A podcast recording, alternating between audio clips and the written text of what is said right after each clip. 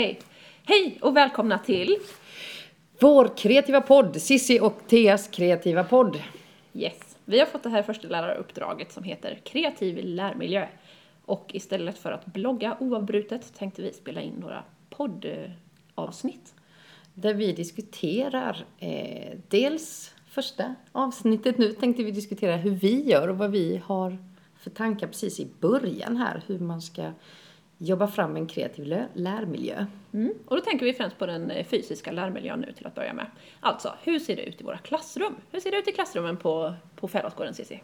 Ja, det är ju en väldigt, väldigt eh, konservativ lärmiljö får man väl ändå säga. Det är kateder, det är bänkar, det är stolar, det är en vit tavla längst fram eh, och så vidare. Väldigt, Det är lite som filmen Hets, skulle man kunna Ja. säga. Förutom att det inte är svarta tavlan utan vita tavlan. Just det. Ja. Och ehm, det mest kreativa som har hänt de senaste åren är väl att vi har fått ehm, eh, projektorer eh, och att vi har fått pulpeter där vi kan stå Ja. fortfarande längst fram i klassrummet. ja. Ehm, och det är ju bra, men ehm, jag har ju varit med om en eh, spännande sak i min sal nere i 06 eh, där jag speciellt förra terminen eh, väldigt många, eller förra året, väldigt många gånger försökte flytta min kateder längst bak i klassrummet för jag inte ville ha den som kateder längst fram. Utan jag ville placera borden på lite olika sätt och så ville jag ha den längst bak. Och varje måndag när jag kom tillbaks till efter helgen ehm, eller tisdag så, så stod den längst fram igen. Så det är Ja, just det. någon av mina Det var, kollegor. ja. Det var någon annan som hade undervisning där också med andra ord. Som Mm. Precis. gillade att ha katedern där framme. Ja, som vi hörde kände behov av det.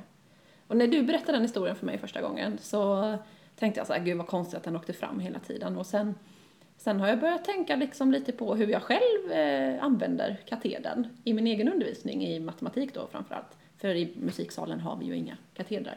Men ehm, så, så hamnar jag där. Ganska ofta faktiskt. Så hamnar jag där i den där rätt så sköna stolen med hjul på vid katedern och där datorn står så bra. Och jag får en väldigt, väldigt bra eh, hållning i hur jag sitter och det känns ergonomiskt och fint. Mm, och bra. överblick över Överblick eleverna. över eleverna, absolut.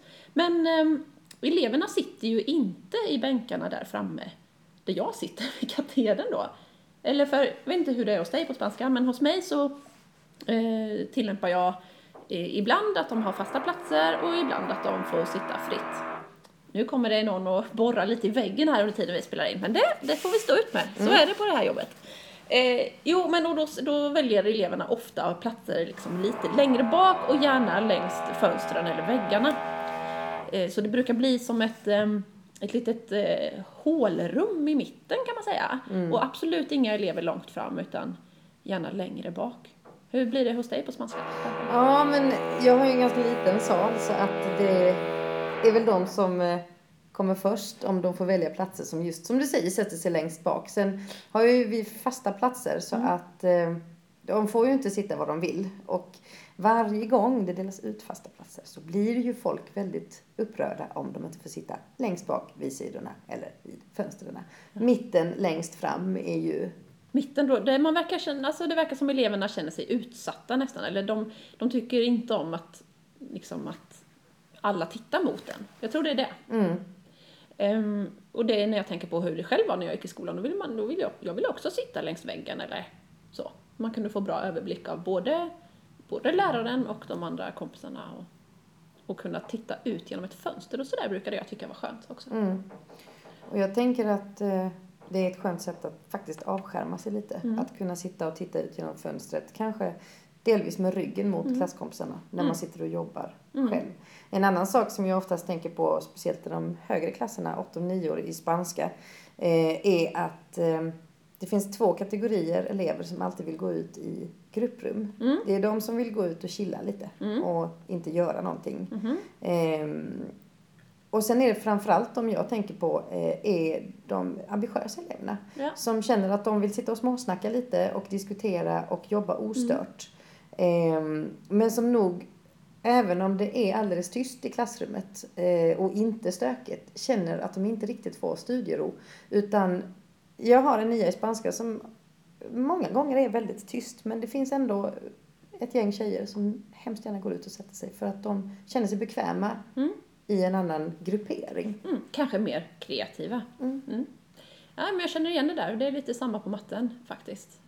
Ehm, och eh, då brukar jag använda, på onsdagarna till exempel, så har jag faktiskt eh, matte där vid centralen och då kan en del, kan jag släppa ut en del centrala för det är väldigt lugnt i centralen just den, den timmen och det är, ja, men det är lite samma. Man vill, antingen så vill man jobba väldigt, väldigt bra eller så orkar man inte riktigt det den dagen och vill sitta utanför och bara ta det lite lugnt sådär.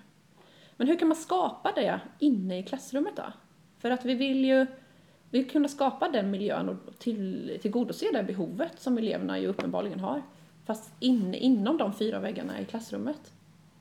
Och det har vi snackat lite grann om. Du sa det förut, det här med att kunna titta ut genom fönstret och avskärma sig. Och det är ju någonting som man verkligen saknar i, i våra klassrum.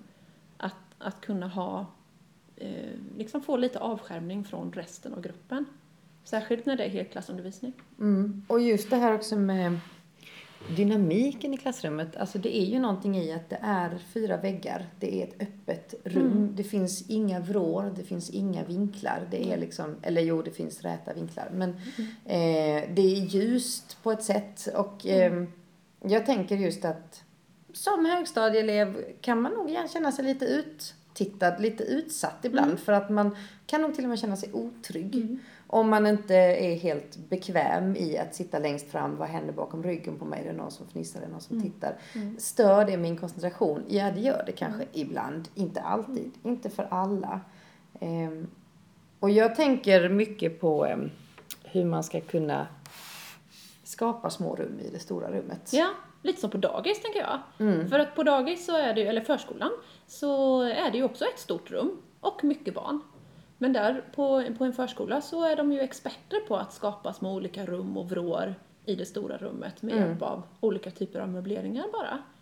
Som också ofta är väldigt lätta att, eh, att förändra snabbt när man behöver det. Och vi har ju varit inne och pratat, för jag tänker att två stycken eh, utmaningar som direkt liksom kommer till en är ju dels placeringar eftersom eh, speciellt bland sexor och ja, Ja men i större grupper ofta skulle jag vilja säga. så vill vi ju ha placeringar dels för att vi kan eh, förebygga att folk känner sig utsatta och eh, att vi också kan uppmana folk att jobba med folk som de kanske aldrig jobbar med annars och att man Precis. någonstans tvingas kanske prata med någon som man aldrig har pratat med. Eh, och det finns jättemycket positiva vinningar i det. Den andra saken jag tänker på är eh, just helklassundervisning. När man ska se en eh, en genomgång eller en film eller när man ska faktiskt ha en diskussion där man behöver att alla sitter och tittar koncentrerat åt samma håll. Ehm, hur gör vi då? Ja, precis. För den är... eh, Just placeringen blir ju verkligen en utmaning när man ska möblera om på andra sätt. Men, ja, men man får tänka mer studiegrupper kanske, tänker jag. Att man placerar, man placerar utifrån studiegrupper som de ska ha under en period, fyra, fem veckor kanske, och sen byter man studiegrupper och då blir det på något sätt studiegruppen som är placeringen. Sen kanske det inte är eh, livsviktigt hur de sitter i den studiegruppen liksom.